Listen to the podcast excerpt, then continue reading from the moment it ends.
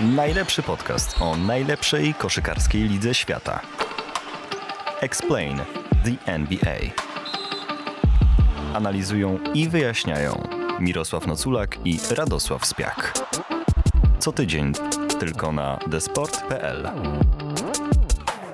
Witamy, witamy. Przed nami 25 odcinek Explain the NBA. Cześć Mirosławie. Nie jubileuszowy jakoś? Powiedzmy, że taki na A, wpół dobra. jubileuszowy. Witaj, witaj.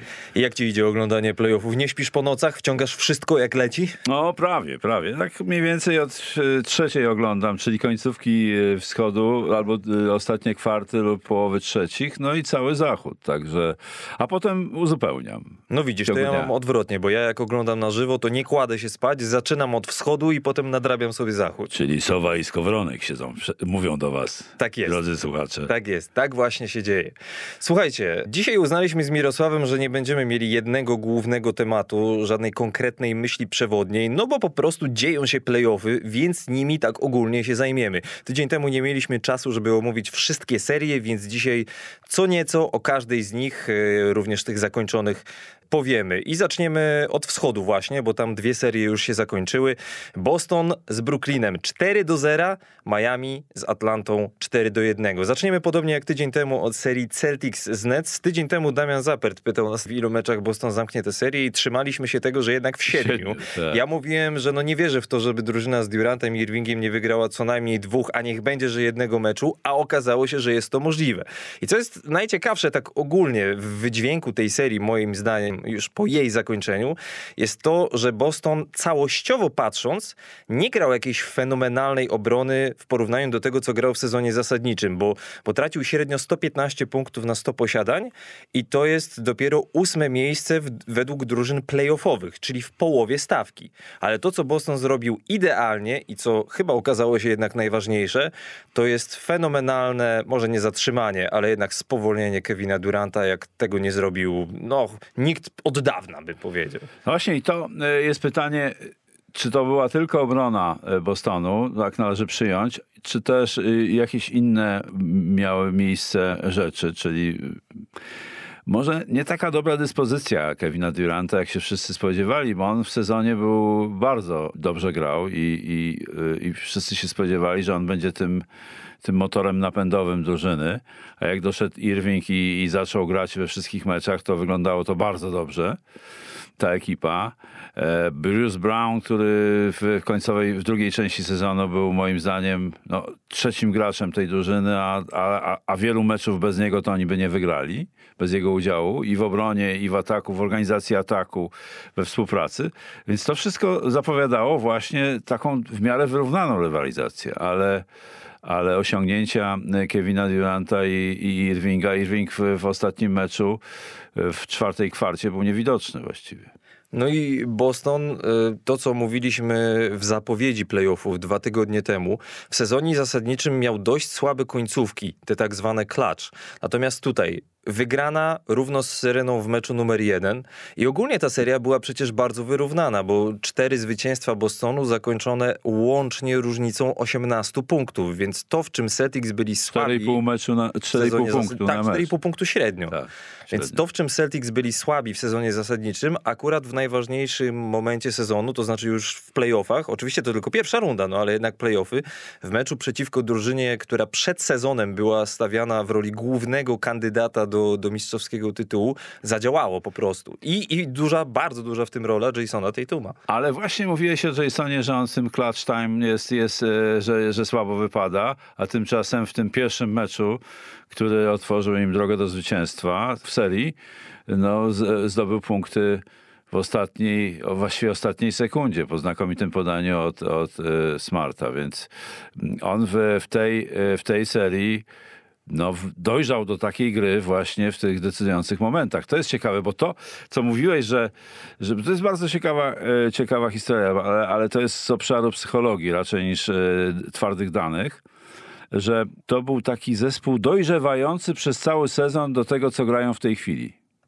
I który wszedł w głowę, mamy wrażenie, Brooklynowi trochę. No tak, bo wygrał ostatnie dwa mecze tam i sześć ostatnich meczów chyba właśnie Ime Judoka zaliczył na swoim, na swoim karabinku. No i Mejudoka też ograł swojego y, byłego, powiedzmy, szefa, no bo on był przecież asystentem Steve'a Nasha w poprzednim No tak, sezonie. tak, to też tak, jest fajna tak. taka historia. Na zachodzie też taką mamy, Tak. Y, bo Willie, Willie Green, Green, tak, był asystentem Montiego Williamsa. A do, te, do tego jeszcze dojdziemy. Natomiast co jeszcze chciałem zaznaczyć, e, zaznaczyć o Celtics? No powiem tak, z perspektywy czasu wydaje się to dość oczywiste, że drużyna, która przez ostatnie 4 miesiące była najlepsza w lidze w obronie i najlepsza w lidze w ataku, wygrywa serię 4 do 0. Ale mimo wszystko wydawało mi się, że jak się ma w składzie dwie super gwiazdy, no to w tej lidze super gwiazdy decydują o zdobywaniu mistrzostw. Mówiliśmy o tym już wiele tygodni temu. I to w jaki sposób Boston bronił Kevina Duranta i po meczu numer jeden ograniczył Kyriego Irvinga, bo zaznaczmy, że po meczu numer jeden, gdzie Irving naprawdę grał bardzo dobrze, po meczu numer jeden Irving średnio 15 punktów, 37% z gry i 2 na 11 za 3 punkty. Przez 3 mecze takiego zawodnika. To jest coś, czego przyznam szczerze się nie spodziewałem i jeśli dojdzie do em, półfinału konferencji Boston z Milwaukee, bo nagrywamy ten podcast w środę przed piątym meczem Bucks z Bulls, no to będzie się działo. Po Tak, prostu. No, te dwie serie już z założenia były od początku y, bardzo m- mocno w dynamit wyposażone, więc e, ktokolwiek by tam nie grał w, w tej połówce, czy, czy może, może Chicago jednak nie typowaliśmy do tej, do tej czwórki, ale, ale Bucks z Nets czy Bucks z Bostonem, a, a faktycznie z Bostonem teraz, to byłoby i tak ciekawe, no więc to jest świetna połówka Wprawdzie do e, oglądania. Wprawdzie Nets z- e, zajmiemy się jeszcze na koniec naszego podcastu, bo też będziemy odpowiadali na wasze pytania, które się pojawiły, ale w tym momencie jeszcze zaznaczę, bo to pod kątem tej serii, że, że troszeczkę mimo wszystko jestem zaskoczony, że Steve Nash ani na moment nie spróbował grać z Lamarcusem Aldridge'em. Ja wiem, że on w obronie odstawałby w porównaniu do, do Claxtona, który jest zdecydowanie bardziej mobilny, skoczny i do Dramonda, ale w porównaniu do nich ma jedną cholernie istotną przewagę. Trafia wolne. Trafia rzuty wolne. Tak. Nicolas Claxton w tej serii, w czterech meczach, 4 na 22 z rzutów wolnych, czyli 18 razy spudłował. 18 No, punktów to jest różnica to w jest czterech różnica, meczach. tak. Wiadomo, że nie można tego przełożyć tak jeden do jednego, ale, mimo to jest, wszystko. ale to trochę jest, y, obrazuje pewne rzeczy. Mocniej, uwydatnia może. Boston zatem nie kalkulował, chciał się zmierzyć z Brooklynem, wygrał jako jedyny swoją serię 4 do 0, ale nie jako jedyny jest już w półfinale konferencji, bo do Celtics dołączyli także hit. Miami w pięciu meczach e, ograli Atlanta Hawks. E, Ja typowałem przed tą serią, że będzie 4 do 2 dla Miami. E, I tak spodziewałem się przed tym ostatnim meczem, że Atlanta jednak będzie w stanie wygrać w Miami, skoro hit grali bez Kyla Lowry'ego i bez Jimmy'ego Butlera. Ale okazało się, że po raz kolejny, jak dobrym trenerem jest Eric Spelstra. I ja wiem i przypuszczam, że jednak Monty Williams dostanie nagrodę dla trenera roku, ale to w jaki sposób bez dwóch liderów tak naprawdę, albo powiedzmy bez lidera i podstawowego zawodnika, Miami było w stanie wygrać, grając w pierwszej piątce z dwoma zawodnikami nawet niedraftowanymi, jak Max Strus i, i Gabe Vincent, to naprawdę robi wrażenie. Ja, wiesz, ja nie wiem, czy to ty mówiłeś w podcaście, czy gdzieś przeczytałem, że Eric Spelstra powiedział takie zdanie, że nieważne jaką piątką zaczynamy, ważne jakie stawiamy sobie cele i jakie realizujemy. I to jest nieprawdopodobnie przebiegła myśl trenerska, bo ona mówi tak. O, o czym ona mówi? Ona mówi o jego relacjach z zawodnikami, że on pompuje, mówiąc trochę z przesadą, ale że on tak ustawia każdego gracza, że jeżeli wchodzisz na boisko, obojętnie czy jesteś ósmym, dziewiątym czy dziesiątym graczem, ponosisz taką samą odpowiedzialność za wynik, jak ten, który jest liderem. To jest fenomenalny, prosty patent y, trenerski, wydawałoby się.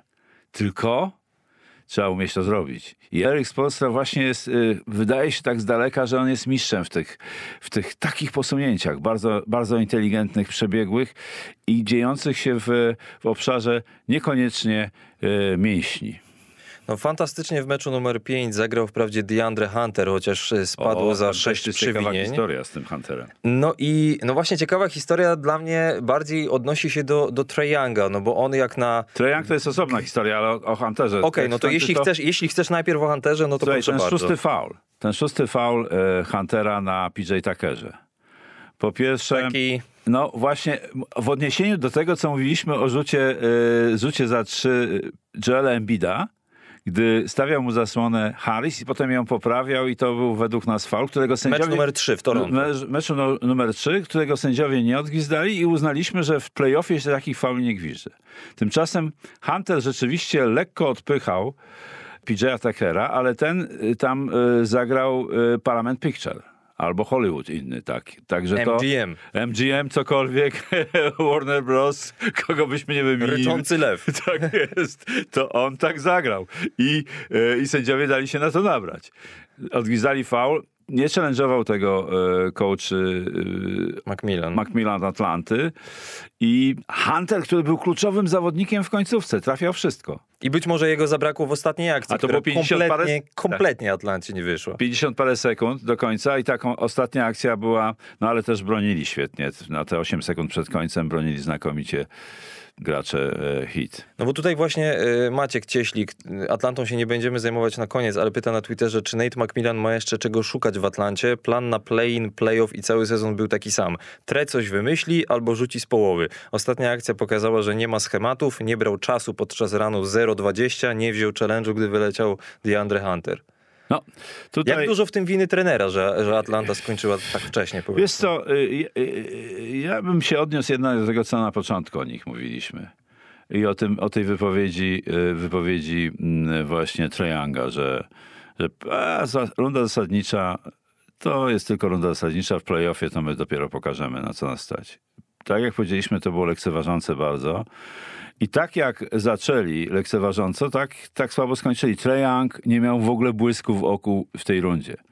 Nie miał tego ognia, który pamiętamy z Nowego Jorku, jak tam wygrażał, pokazywał różne rzeczy Nowojorczykom w Madison Square Garden. W poprzednim sezonie. W poprzednim sezonie oczywiście. Więc tego nie miał. Nawet nie miał tego, co, co, co pokazywał w, w play-in. Więc Trae Young był cieniem takim y, własnej, własnej nikczemnej postury i, i tak to się zakończyło. 15 punktów miał w playoffach, około 15 punktów. Średnio, tak. Średnio, a w, a w rundzie zasadniczej prawie 30, więc połowa mniej, no proszę. No w ostatnim meczu miał w ogóle 11 punktów, Tak. gdzie no, gdyby nie Hunter, to, to Atlanta by pewnie przegrała sromotnie. Dla mnie mimo wszystko ponownie to jest bardzo duża zasługa dobrej obrony Miami, która Tak, jak podkreślaliśmy tydzień temu ma kogo rzucić na Treyanga, tak to określmy, tych atletycznych, wysokich zawodników i, i pewnie też trochę zabrakło wsparcia. Znaczy w tym ostatnim meczu nie grał Bogdan Bogdanowicz to raz, Tak. Nie grał e, Lou Williams tak w ogóle w tej on serii. nie grał w serii w ogóle. Dopiero w czwartym meczu pojawił się Clint Capella, więc pewnie te problemy zdrowotne miały jakiś na to wpływ, ale tak jak mówisz o tym Trajangu, to dla mnie jednak podsumowaniem Atlanty będzie cytat z Bogdana Bogdanowicza, który przytoczyłem chyba ze trzy tygodnie temu, jak zajmowaliśmy się nieco szerzej Atlanta Hawks.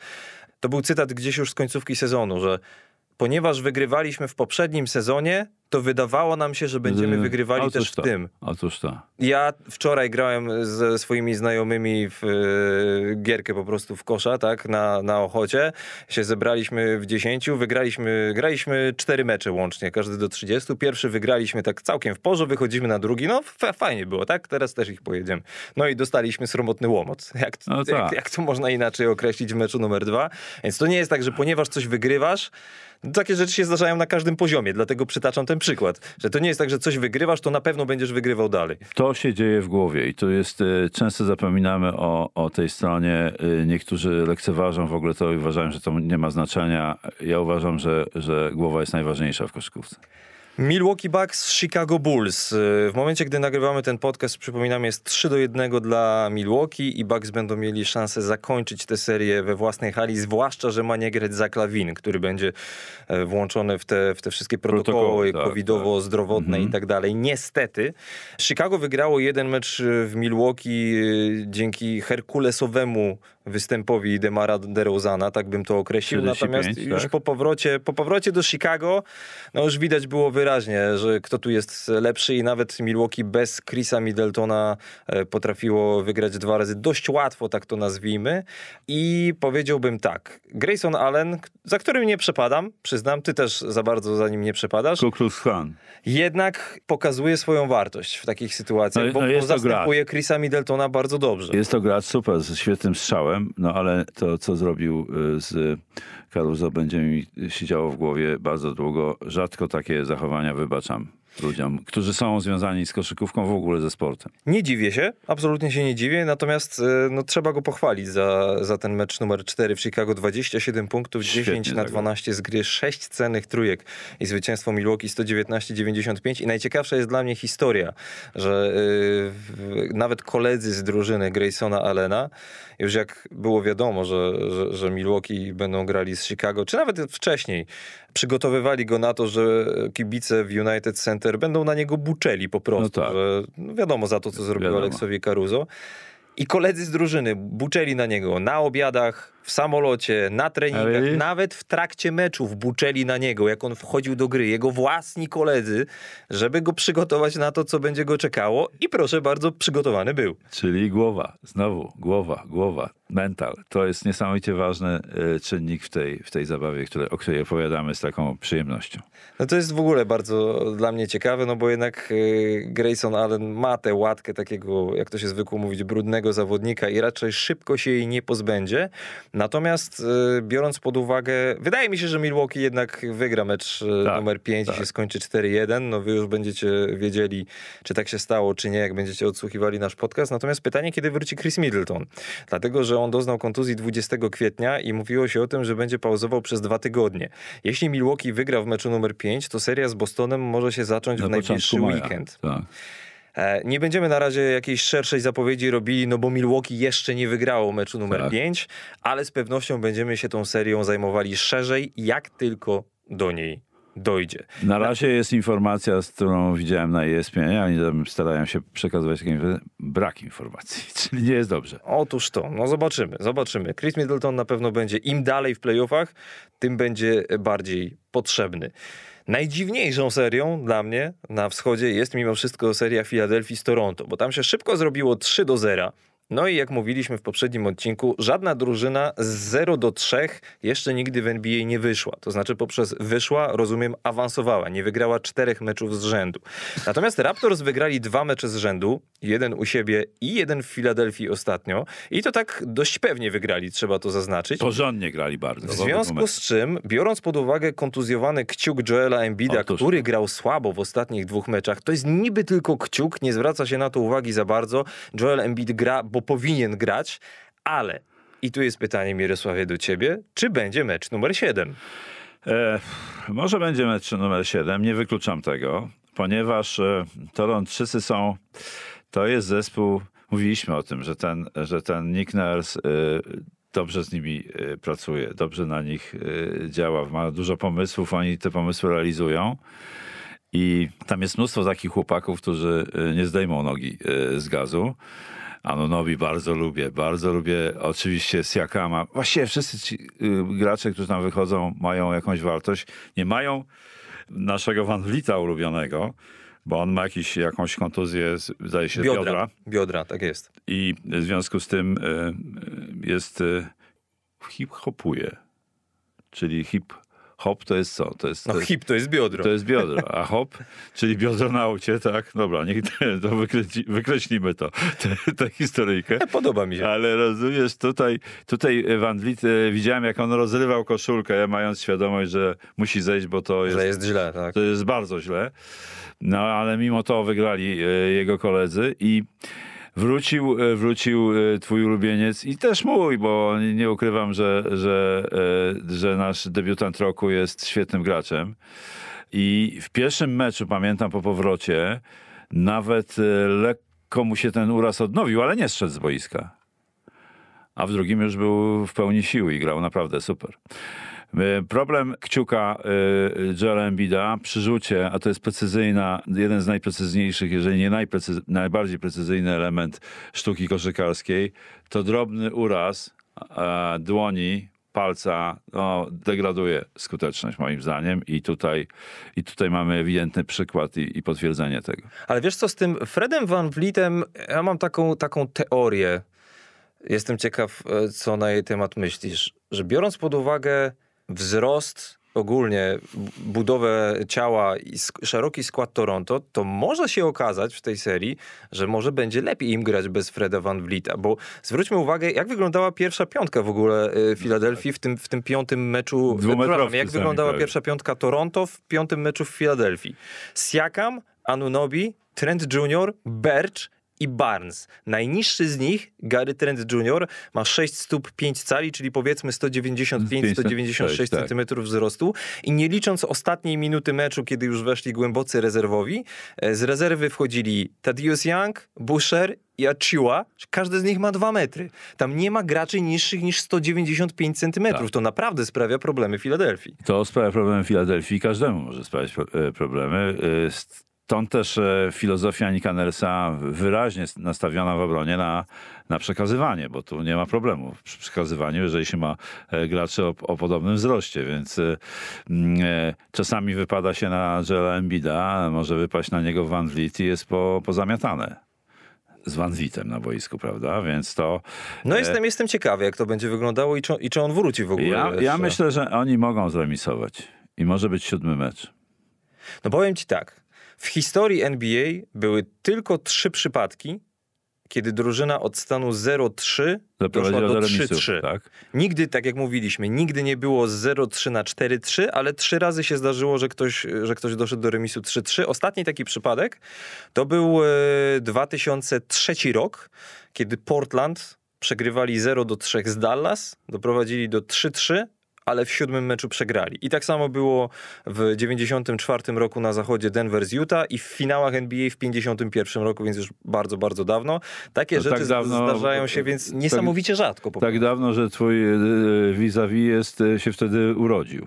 O, no więc też tego nie pamiętasz. No, Natomiast 100%. jeszcze dwa słowa o Embidzie, bo, bo ta kontuzja, atak to jedno, ale w obronie też zwłaszcza warto zauważyć, że w meczu numer 5 Toronto zdominowało pole 3 sekund. Zdobyło 20 punktów więcej z pomalowanego od Filadelfii, 56 do 36 i w odległości 4 stóp od kosza, czyli najbliżej jak można, jak się da, 24 na 28 celnych rzutów. Miała drużyna z Kanady, więc nawet obecność Joela Embida tutaj niewiele zmienia. Ja uważam, że, że filozofia gry kontuzjowanego Joela Embida była, pozwolę sobie tu jednak na ocenę, niewłaściwa. On z tym kciukiem kontuzjowanym, czy wybitym, no nieistotne, nie, niesprawnym w pełni, on powinien grać 90% akcji pod koszem.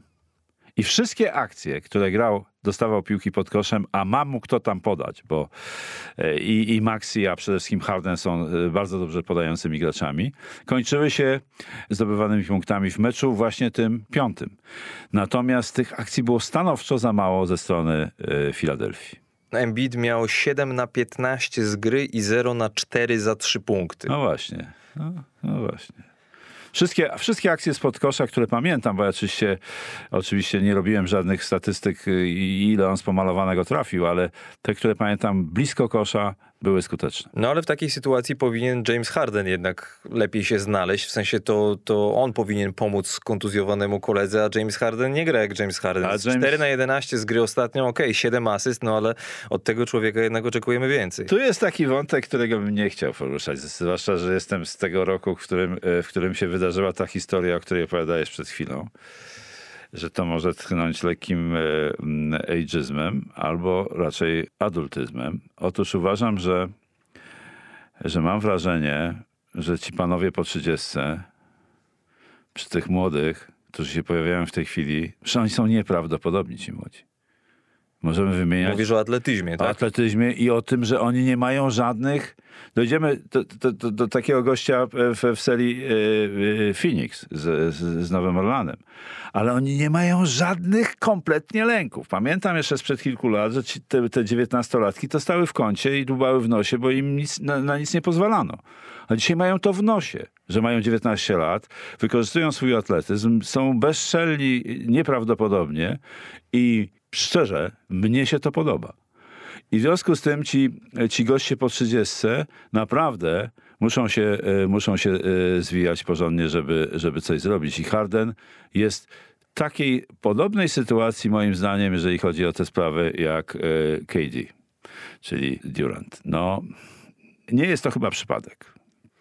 Słuchajcie, przenosimy się na zachód. Y, Tydzień temu e, wydawało się, że seria Sans Pelicans może być ciekawsza ze względu na kontuzję Devina Bookera i zrobiła się ciekawsza. W tym momencie jest 3 do 2 dla drużyny ze stanu Arizona i e, to, na co ja zwróciłem uwagę, to fakt, o którym mówiliśmy tydzień temu. Ja nawet chyba o tym mówiłem, że na miejscu Montiego Williamsa dałbym jednak trochę więcej minut Michaelowi Bridgesowi w obronie przeciwko Brandonowi Ingramowi.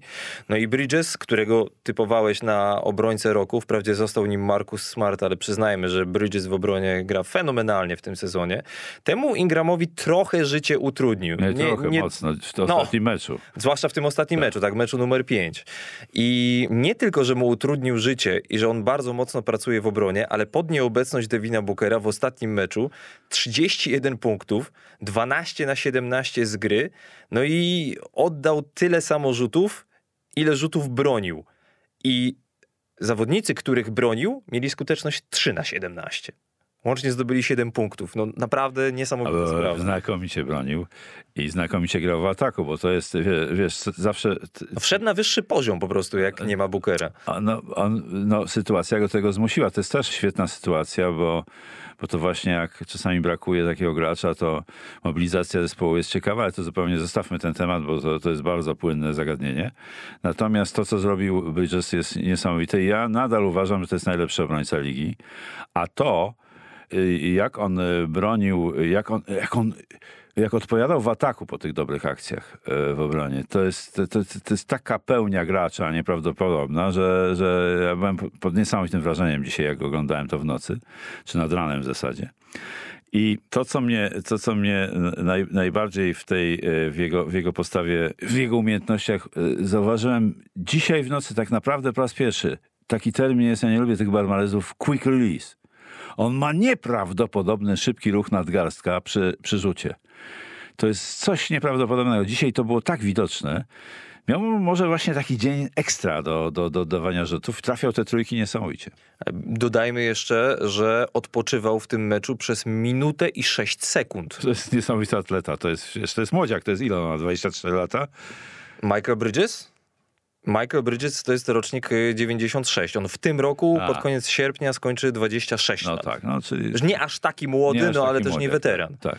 Natomiast y, no, jego wydolność jest nieprawdopodobna, bo też weźmy pod uwagę, że to jest jego czwarty sezon w lidze i on nie opuścił do tej pory ani jednego meczu przez 4 lata w ogóle. A. Więc y, pod nieobecność Devina Bookera y, w jednym meczu Chris Paul kończy w czwartej kwarcie, rzuca kilkanaście punktów. W innym meczu y, Michael Bridges wchodzi na wyższy poziom, ale ja jeszcze Nowemu Orleanowi nie odbierałbym szans. Ja też nie. Mimo ja wszystko. Właśnie chciałem powiedzieć o tym a propos tych młodych. Oni w końcówce, e, Nowy Orlan w końcówce czwartej kwarty grali trzema e, pierwszoroczniakami. Czyli e, nasz ulubiony Herb Jones? Herb Jones. No, on, on w ogóle jest podstawowym graczem.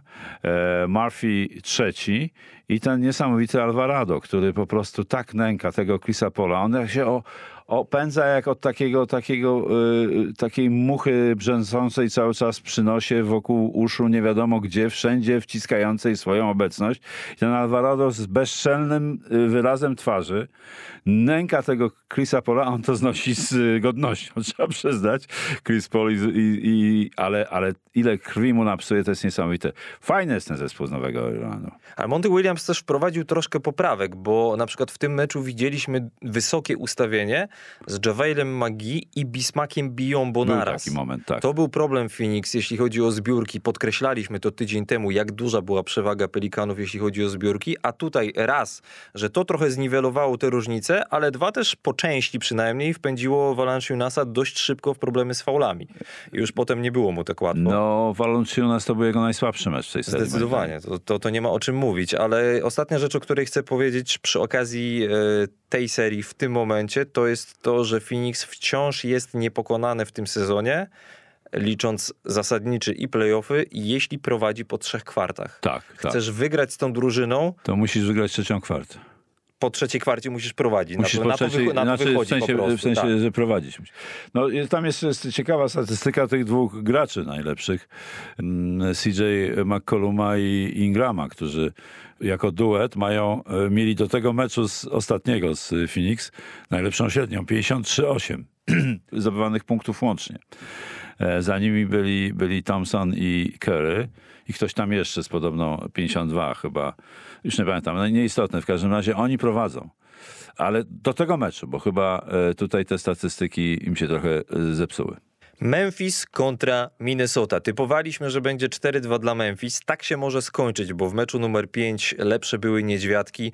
Absolutnie fenomenalny występ Jamoranta. Nawet nie chodzi o same statystyki, ale bardziej o 13 zdobytych punktów z rzędu dla swojej drużyny W w, końcówce meczu. minutach. Rzut na zwycięstwo, czy w zasadzie na prowadzenie i zwycięstwo w, efekcie. Ten nieprawdopodobny wsad, czy paczka, jak ty lubisz Paczka, mówić. paczka, po prostu tak. szczęka na podłodze. Natomiast co zrobił w ostatniej akcji w obronie Anthony Edwards? Proszę bardzo. No trochę się musimy poznęcać, mimo że go bardzo lubimy. No, miał dobrą akcję, przecież trafił trójkę ważną w końcówce, Edwards. Na I- remis. Na remis, właśnie. I, i potem była ta sytuacja 3,5 sekundy tam, czy, czy, czy, czy ileś tam do końca. No i Taylor Jenkins coś wymyślił, pokazał i oni to zagrali. Do, I dostał, miał, miał dostać piłkę Jamorant i dostał. Tylko dlaczego Anthony Edwards krył go nie od, według zasad podstawowych, fundamentalnych koszykówce, że zawsze musisz być w obronie między koszem a, a, a atakującym zawodnikiem. Zrobił to odwrotnie. On był e, między linią środkową a, a Morantem, czyli ten tylko dostał piłkę, zrobił dwa kozły i już nie miał problemu, żeby y, ją umieścić w koszu. Zatem bardzo taki, y, taki generalnie y, Edwards jest świetny jest w tej serii, ale ten y, psuje mu wizerunek, ta akcja w obronie potwornie. No i on się zresztą przyznał po meczu, że wie, że to był głupi błąd, no tylko, że jeśli już chcesz być gwiazdą i sam twierdzisz, że jesteś najlepszym obrońcą ligi, to nie popełniasz takich prostych błędów. No to jest taki błąd. Ja wiem, co on, na co on liczył, że on mu wybije piłkę z tyłu. No, wybić piłkę z tyłu Morantowi Ale nie w takim momencie meczu. I nie- i nie- w, drugiej, w drugiej kwarcie się I nie w takim bawić. momencie meczu i, i, i w playoffie. To może robić w rundzie zasadniczej. Takie zabawy może sobie urządzać. Ważne moim zdaniem też jest to, że, że Memphis y, ponownie zdominowało tablicę. W tym meczu numer 5 53 do 42 w zbiórkach i Minnesota pozwoliła Memphis na 18 zbiórek w ataku. Do tego Memphis wykonało 39 rzutów wolnych a Minnesota popełniła 23 straty. Biorąc te liczby pod uwagę, to i tak ten mecz był- był dość tak. wyrównany do samego końca. Natomiast mam jedną ciekawą taką historyjkę, wprawdzie nie z NBA, ale jestem ciekawy, czy kiedyś coś takiego stosowałeś albo słyszałeś o tym, bo, bo przy tej dużej różnicy w zbiórkach, jak chociażby w serii Phoenix-Nowy Orlean albo w tym meczu Memphis z Minnesotą, mi się przypomina taka historia, jak jeden hiszpański trener z Euroligi, nie tylko z Euroligi, Joan Plaza miał taką zasadę na treningu, że jak grało się pięciu na pięciu, to żeby zaliczyć dobrą akcję w obronie przy niecelnym rzucie rywala, trzeba było tak zastawić, żeby rywal nawet nie dotknął piłki. Nie chodzi o to, że mogła być walka o piłkę i ty ją w końcu złapiesz, tylko atakujący nie miał prawa jej nawet dotknąć, bo jak ją dotknął, to znaczyło, że ma nowe posiadanie, a ty przegrałeś akcję w obronie. I powiem szczerze, że bardzo mi się podoba taka zasada na treningach, bo ona jednak wymusza takie no, maksymalną koncentrację przy zastawieniu, bo często podkreślamy, że, że zastawienie to nie jest czysta kwestia umiejętności technicznych, tylko przede wszystkim jednak koncentracja.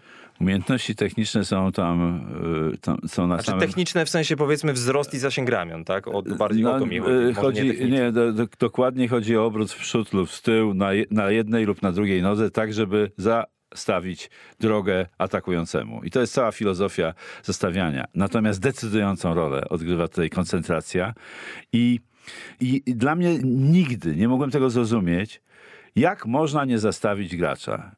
Grałem w koszykówkę na poziomie, powiedzmy sobie, takim średnio mizernym, na poziomie drugiej ligi obecnej, ale no nie było gościa, który mógł mi zebrać piłkę w ataku. Nie było takiego gościa. Żeby miał 100 metrów wzrostu, nie miał szans, żeby zebrać, e, żeby zebrać piłkę, ponieważ to był, to był dla mnie element najważniejszy w obronie. Jak już dopuściliśmy do rzutu, to później trzeba zrobić wszystko, żeby w przypadku niecelnego, żeby, żeby zastawić. I to, co robił Jean Plaza, ja też robiłem w podobny sposób, bo uważałem, że nawet dążyłem do tego, że, żeby piłka spadła na podłogę. Żeby nie łapali jej gracze. W sensie co najmniej raz się odbiło. żeby się odbiła i wtedy, wtedy był zaliczone, było zaliczana e, akcja w obronie zestawiania. Więc takie, e, to jest metoda bardzo europejska i, i y, też to robiłem. Może w innym wydaniu niż e, Plaza i być może na innym poziomie, nie w ACB, tylko w PLK. Wprawdzie Memphis jest mimo wszystko dość młodą drużyną, ale to jednak z Minnesoty ta młodość wychodzi przede wszystkim, bo w tej serii e, dwa razy tracili dwucyfrową przewagę w e, drugich połowach. Znaczy w meczu numer 3 w ogóle dwa razy prowadzili 25 punktami albo więcej, natomiast w meczu numer 5 Minnesota miała 11 punktów przewagi na niecałe 7 minut do końca i po mowie ciała było widać już takie i co? Wygramy. Tam Carl Anthony Towns całuski słał I uciszał publiczność publikę i po uciszał rzucie publiczność. za trzy. Tak. I co? I, no i się pospieszył. W każdym razie tam bardzo ważną rolę odegrał w tych zbiórkach w ataku, w tej fazie e, decydującej, kiedy, e, kiedy Memphis gonili. Brandon Clark, mój e, ulubiony, e, tajemniczy gość, który zaczął wchodzić z ławki od połowy sezonu, odgrywa bardzo ważną rolę w drużynie Memphis. 21 punktów, 15 zbiórek, z czego 9 w ataku, z czego 7 w samej czwartej kwarcie. Właśnie, właśnie, no właśnie. Być może ta seria będzie miała siódmy mecz. Ja bym sobie życzył, mimo tego, że typowałem 4-2 dla Memphis, ale chętnie bym zobaczył mecz. Wiesz dlaczego nie lubię typowania? Nie lubię typowania z tego powodu, że jak, jak, jak typuję, to potem staję się zwolennikiem swojego e, wyboru. I to jest słabe, bo to wywołuje we mnie zbędne emocje. Ja nie oglądam emocje, z emocjami meczów. Ja, ja analizuję mecze, a nie oglądam, nie emocjonuję się.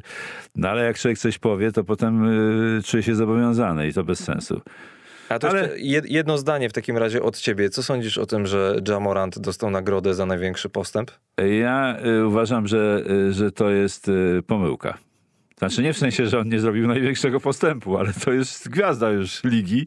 Y, Ja pamiętasz, jak mówiłem o tym, że, że chciałbym, żeby on dostał MVP na początku sezonu i że nie dostanie tego MVP, bo, bo, bo Memphis wtedy nie, był, nie należał do, czoło, nie należał do czołowych drużyn y, zachodu. Y, To były początki naszych, naszych tutaj rozmów o, o koszykówce NBA.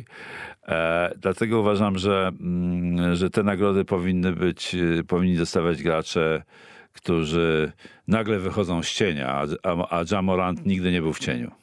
Ty wybrałeś e, Tyrisa Maxeya, ja wybrałem Jordana Pula, jak dobry swoje wybór nagrody, ale ani jeden, ani drugi nie był nawet w pierwszej trójce. Bo No, pierwszy był Jamorant, drugi był DeJounte Murray, też człowiek, który grał w meczu gwiazd Tak.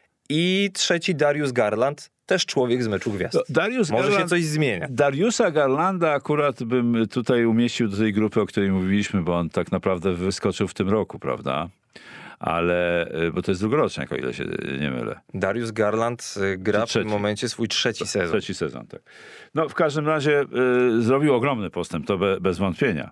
I ja potem jak typowaliśmy to, to przeszła mi taka e, myśl przez głowę, że może jednak Darius Garland, ale, ale to już było za późno, bo co innego powiedziałem. Golden State kontra Denver. Ja tutaj typowałem niespodziankę, ale niespodzianki chyba nie będzie. Przed nami mecz numer 5 w San Francisco. Czy coś się jeszcze tutaj może zmienić? No mecz numer 4 to był prawdziwy popis Nikoli Jokicia, który grając z jednym okiem w zasadzie, którego prawie nie stracił po, po włożeniu mu tam palca przez Draymonda Greena zagrał naprawdę fenomenalnie. 37 punktów, 8 zbiórek, 6 asyst. To, co, e, na co ja zwróciłem uwagę przy tym meczu, to jednak bardzo, bardzo duża liczba rzutów wolnych. Tak trochę jakbym oglądał Polską Ligę i niedawny mecz Torunia z Włocławkiem, bo było łącznie oddanych 68 rzutów Boże. wolnych. No trudno się to oglądało, ci To, szczerze. słabe. Stephen Curry e, przez cały sezon zasadniczy nie trafił 23 rzutów wolnych. E, w tej serii już spudłował 8 razy, ale to tak w ramach ciekawostki, no bo Golden State jest na, no nie chcę powiedzieć ostatniej prostej, ale wszystko na to wskazuje, żeby jednak awansować do, do półfinału konferencji. Co by się musiało tutaj wydarzyć jeszcze, żeby Denver mogło powalczyć? A słyszałeś, y, może najpierw y, zadam się pana, słyszałeś takie sformułowanie 3G albo 3G? Nie wiem, czy w tym kontekście, jaki masz na myśli. No nie, 5, nie 5G, nie chodzi o, o, te, o te rzeczy, o telekomunikację, czy co tam. Y, Słuchaj, no, y, u- uważają, że, że, że e, komentatorzy, że Warriors mają właśnie trzech superobrońców, czyli three guards offense, to dosłownie tak to nazywają, czyli... A, w tym kontekście mówię, okej, no to Poole, tak. Poole, y, Thompson i wiadomo Kerry. Nawet mówią trzech Splash Brothers, niektórzy komentatorzy. Już w tym momencie, tak. takie, takie historyki się pojawiają. Uważam, że e, Golden State to jednak zakończą w e, piątym meczu. No Choć- ja myślę, ja myślę już w tym momencie myślę podobnie. Choć, e, choć Nikola Jokic jest nieprawdopodobnym motorem tej drużyny i ci gracze, którzy z nim mogą grać, a nie wszyscy, jak wiemy, mogą z powodu kontuzji, e, robią wszystko, żeby go wesprzeć. No Bones Highland, trzeba jeszcze o nim powiedzieć. O, Cztery Bones, tak. trójki w... Z rzędu trzy chyba walnął, Tak, w drugiej kwarcie. Ale do tego Monte Morris cztery z- 5 na 5. ale trzy czy cztery z rzędu. Trzy z rzędu, ale Trzy- łącznie a, cztery. Tak. Niesamowite. Natomiast y, takim graczom jednak będzie się trudniej zdecydowanie grało na wyjeździe. Ogólnie takim graczom się trudniej gra na wyjazdach, więc mimo wszystko uważam, że, że Golden State tę serię zakończy w piątym meczu. Tymczasem Dallas całkowicie rozbiło Utah w meczu numer 5 właśnie i Mavericks też prowadzą 3 do 2.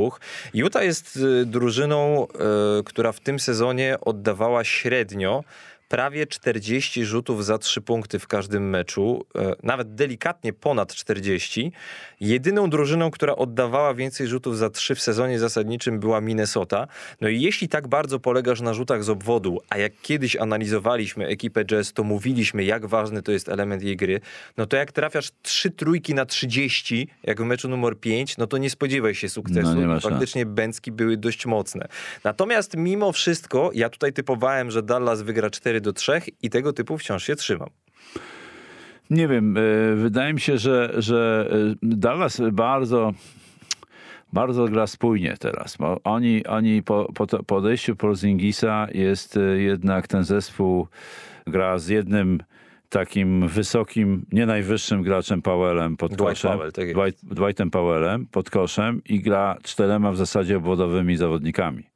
To są trójko, dwójko, jedynki.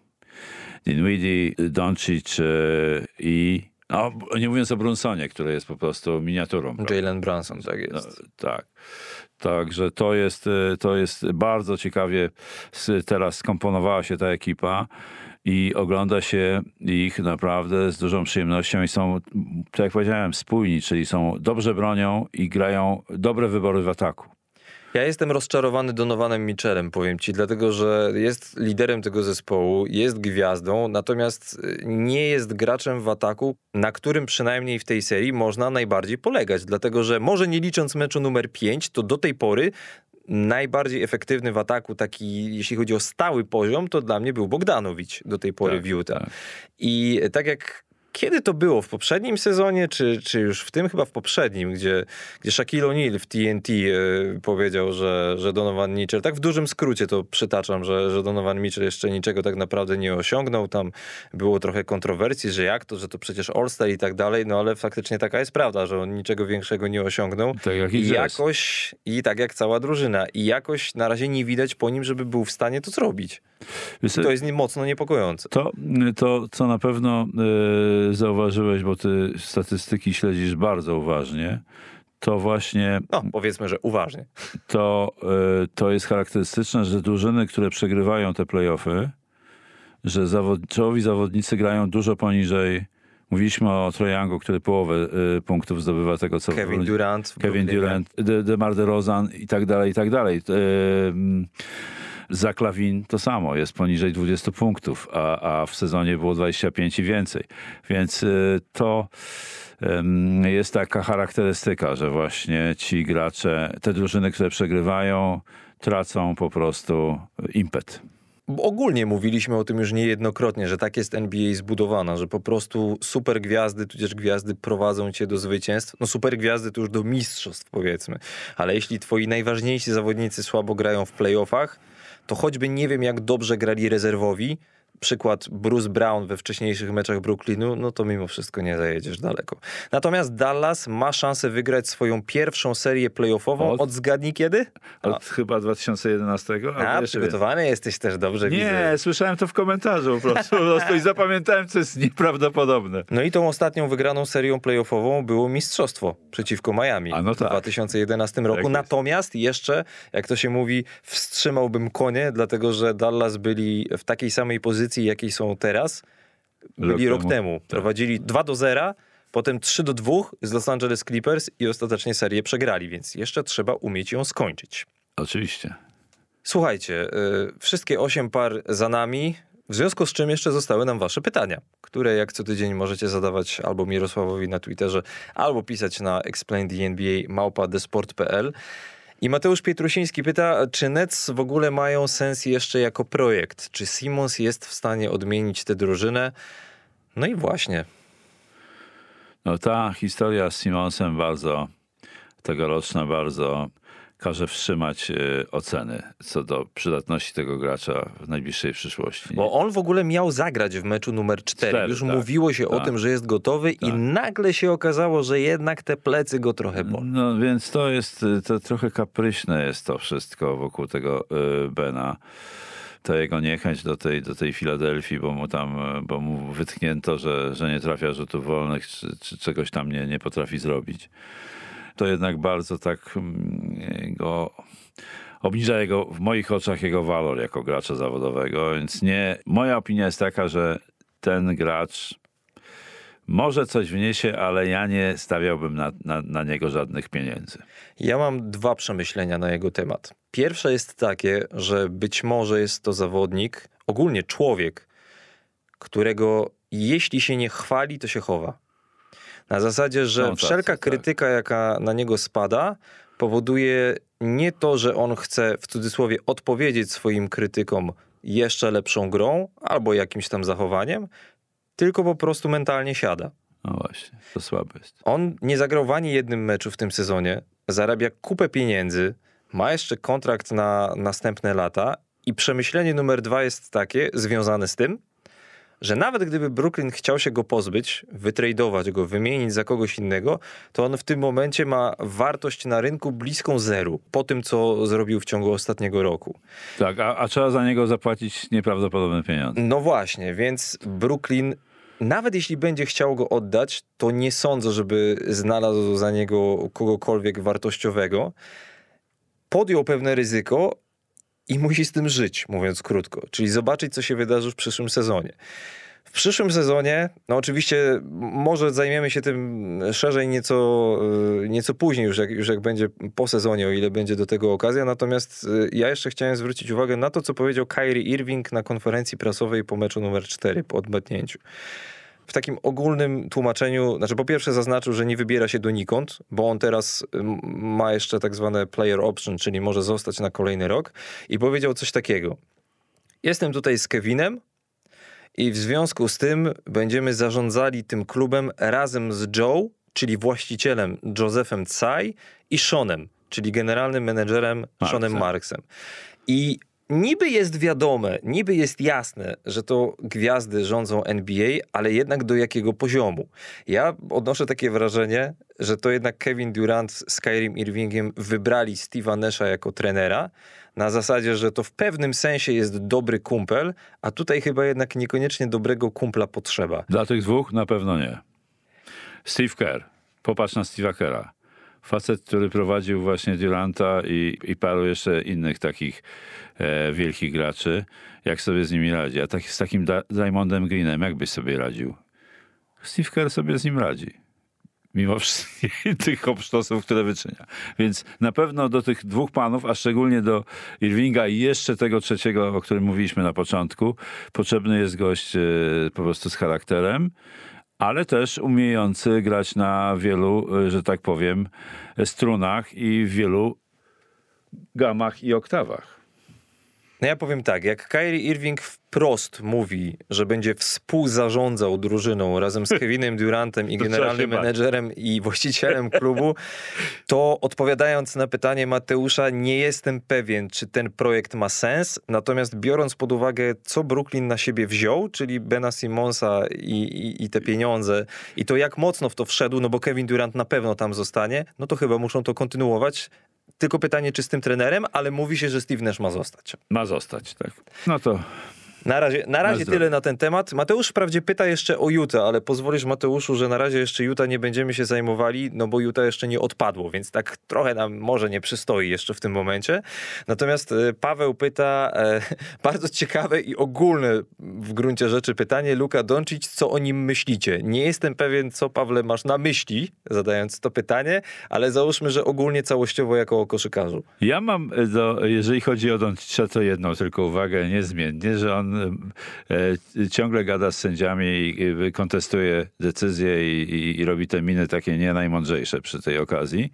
Natomiast do niego jako gracza to w zasadzie nie, nie można mieć żadnych uwag. On drugą połowę gra fenomenalnie, gra na takim poziomie, na najwyższym swoim poziomie i to jest nieprawdopodobne, jak tak nieatletycznie wyglądający gracz, jak e, Luka Doncic jest tak skuteczny i tak atletyczny jednocześnie. Przed niego się, on się nie, w ogóle nie boi żadnego kontaktu, w ataku szczególnie.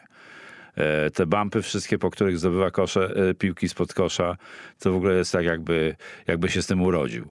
I, I w ogóle wszystko, co ma, tak wygląda jakby się z tym urodził. Ten, ten jego talent jest niebywały. Niebywały. Ja nie umiem tego, nie, nie mogę znaleźć na to lepszego określenia.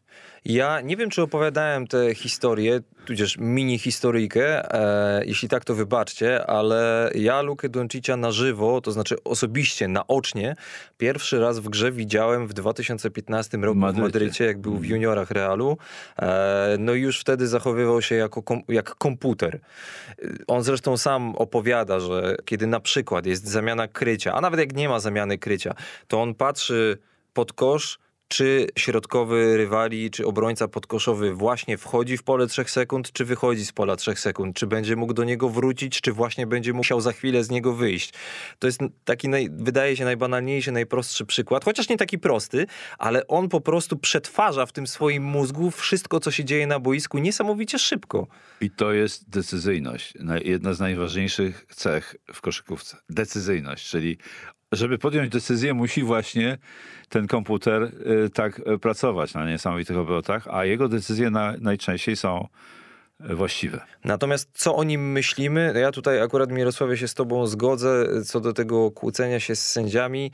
Ja generalnie nie przepadam za tym takim nastawieniem Luki Doncicia i tutaj jeszcze y, powiem może, że miałem z nim okazję nawet dwa zdania zamienić w 2018 roku w Belgradzie i on ogólnie wydaje się i chyba jest bardzo sympatycznym człowiekiem, bardzo sympatycznym ziomkiem, tak to określmy, ale ma to przeświadczenie o byciu supergwiazdą słuszne, Natomiast ja w swoim życiu nie będę teraz opowiadał tej historii, bo jest za długa, może kiedyś będzie okazja. Tak jak wy z Julią jesteście bardziej muzyczni, ja jestem bardziej filmowy, ale ja już niejednokrotnie się przekonałem, że prawdziwą gwiazdę poznaje się po tym, że ona nie daje po sobie poznać, że jest gwiazdą. To I dobre. to mi się w Luce Donciciu akurat nie podoba. To jest dobre. On troszeczkę manifestuje to, to, to, to, to swoje Troszeczkę. gwiazdorstwo. Ale tak Ale- było też w Realu Madryt, ale jak to- miał 19 lat. Ale to akurat y, mniej mnie razi niż siebie, natomiast te, te, jego, te jego reakcje takie właśnie niedojrzałe i takie s- do sędziów, co, co i rusz, to, to, to zupełnie mi się nie podoba. Czekamy na pierwszą wygraną serię playoffową Luki Doncicia, no bo to jeszcze przed nim. Zobaczymy, czy Dallas wygra z Utah, a jeśli wygra, no to będzie mierzyło się e, z lepszym z pary Phoenix Nowy Orlean. Jak będziemy nagrywali Explain the NBA w przyszłym tygodniu, pewnie już się rozpoczną niektóre serie półfinałów konferencji i mamy nadzieję, że będzie jeszcze ciekawiej niż było do tej pory. Życzymy dobrych meczów. Jak nie przespanych nocy, to chociaż odeśpijcie w dzień. A na teraz już się żegnamy. No i będzie mniej do oglądania, co A to jednej nie znaczy, że wcale gorzej. ale właśnie może być lepiej. Do usłyszenia, trzymajcie się. Czołem.